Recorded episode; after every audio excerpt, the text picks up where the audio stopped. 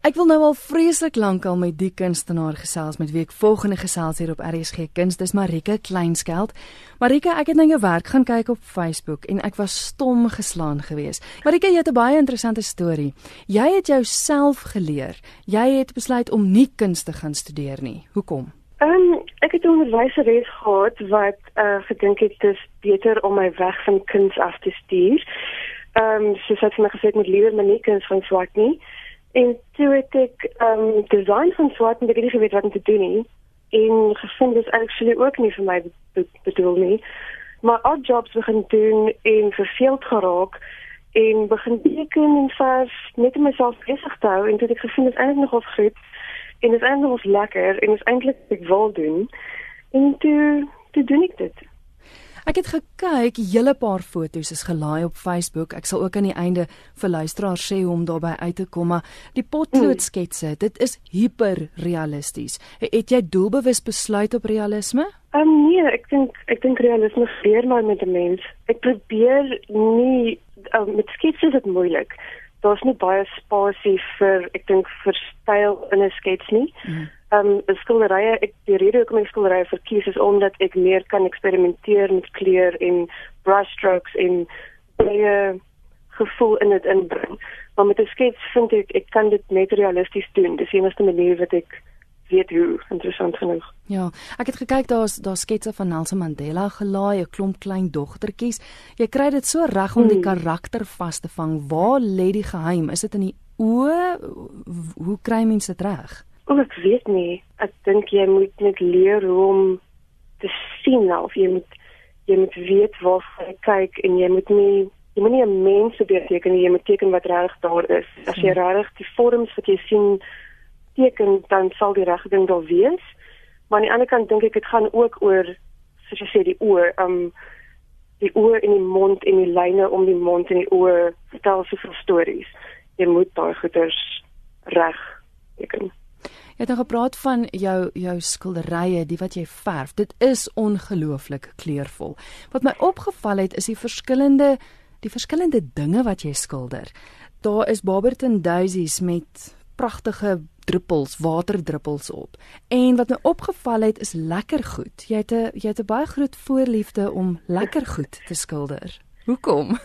Ek het. Weet jy dis dis dis is 'n groot ding vir my. Ek uh dus ek het lank gesukkel om ek wou graag konseptuele kuns doen, maar ek wil ook nie my werk oordink nie. En dis vir my die maklikste manier om die sentimentele roete te gaan want dis persoonlik. Ek het sulke positiewe assosiasies met lekker, so simpel soos wat dit klink. Um ons wat as klein kindertjies met 'n klein bietjie brons wat ons versamel het 7-Eleven toe ry op ons fietsse en en jy weet al die goedkoop lekkers gaan koop en voel soos die rykste kind in die wêreld mm. net omdat jy hierdie lekkers het. En daai gevoel is vir my so precious, dis hierdie onskuldige joy wat wat ons as groot mense nie meer reg um voel nie.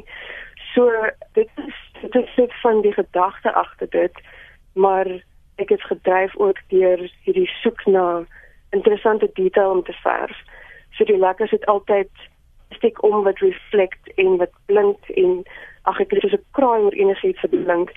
Um en fully in sulke goed wat interessante kleure maak en interessante shapes maak vir my om om in te delf en te probeer vas. Ja, want ek ek, ek wil jou juist vra oor die omhulsel om die lekker goed want soos jy nou noem, dit is altyd 'n plastieklaagie om of ek weet, die jongste foto wat ek gesien het ook is twee lekkertjies wat in daai blink, daai blink folie papier toegedraai is. Ek hmm. reken jy maak dit vir jouself baie moeilik want want is dit nie moeilik om daai refleksie juist reg te kry nie? Kyk, wat interessant is van daai goed is ek vind ek neig amper na abstrakt toe met die folie spesifiek omdat mense nie regtig weet hoe folie gaan maak met kleur en lig nie. Ja. Kan ek amper my eie gedoen daarmee. Ek kan so klein bietjie blou insit as net blou hoort nie. En as ek hier net 'n klein bietjie groen ook insit, dan kan ek dit ook doen en niemand gaan weet nie omdat jou oog al speel met jou brein, dit as dit vir maak.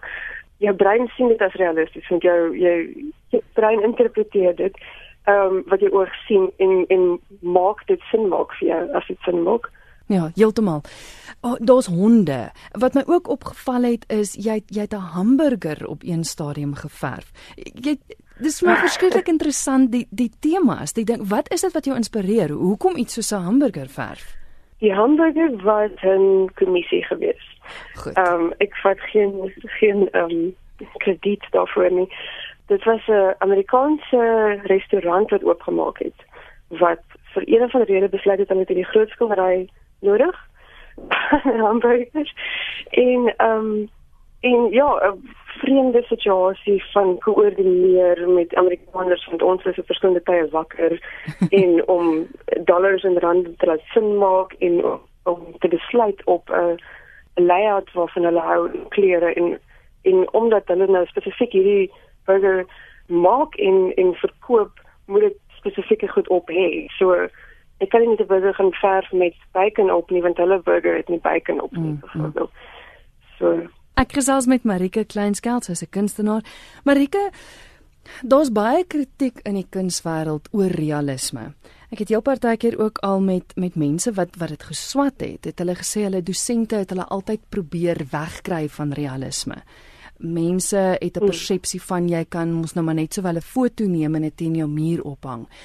Kry jy kritiek oor oor wat jy doen of gee jy nie regtig om nie? Ehm um, nie regtig nie, dit is interessant want ek voel altyd asof mense dink hoe meer realisties hoe hoe beter. Mm. Hoe meer vaardigheid het jy.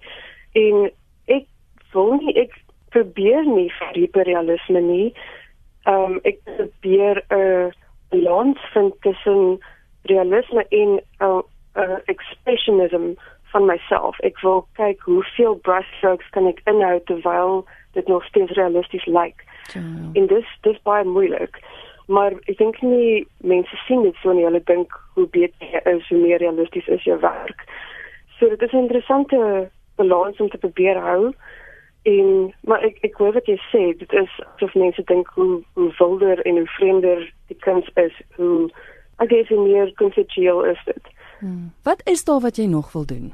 Ag, ek wil graag meer mense verf. Ek ehm um, het 'n fascinasie met figuurlike skildery. Ek wil op 'n stadium 'n reeks doen met mense in kostuums en interessante agtergronde en sulke goed, maar dit is nog besig om baie stadig te ontwikkel. Ehm um, ek het nog nie regtig realisties daaroor begin dink nie. Dis net so 'n saadjie wat agter my brein is waaroor ek nog opgewonde is.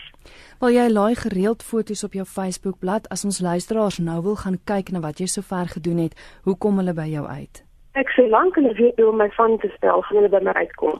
spel hom gou um, vir ons. So my van is K L E A N S C H E L D T. So as jy daai van Google, dan gaan jy verseker by my uitkom op verskillende platforms.